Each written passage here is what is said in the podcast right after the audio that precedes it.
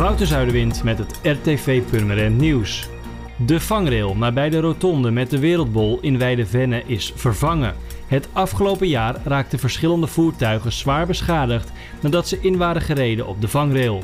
Al in september vorig jaar werd er door een bezorgde Purmerender melding gedaan bij de gemeente van deze gevaarlijke situatie.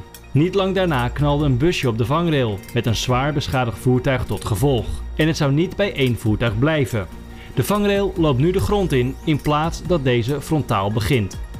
Purmerense gezinnen kunnen deze kerstvakantie geheel coronaproof een spannend spel spelen in de binnenstad. De Purmer Rendier Race wordt bewoners aangeboden door stichting Purmerend Marktstad. Het spel werkt via een gratis app op je telefoon en is vanaf vandaag te spelen tot en met 6 januari. Doel is om de arreslevende kerstman te voorzien van Purmer rendierstof. Dit is nodig om te vliegen en alle ingrediënten daarvoor zijn in de binnenstad te vinden. De kerstman deelt graag mooie prijzen uit aan teams die de meeste punten scoren.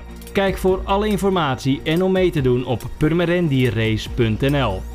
En Anneke Jonker van de gelijknamige drooggisterij mag komend jaar de Beemster bokaal op haar schoorsteenmantel zetten. Haar drooggisterij is namelijk uitgeroepen tot onderneming van het jaar Beemster. Het was dubbel feest voor Jonker, want dit jaar is het 50 jaar geleden dat ze aan de Rijperweg in Middenbeemster haar winkel opende. In verband met de coronamaatregelen was de uitreiking van de bokaal sober gehouden. Voor meer nieuws, kijk of luister je natuurlijk naar RTV volg je onze socials of ga je naar rtvpurmerend.nl.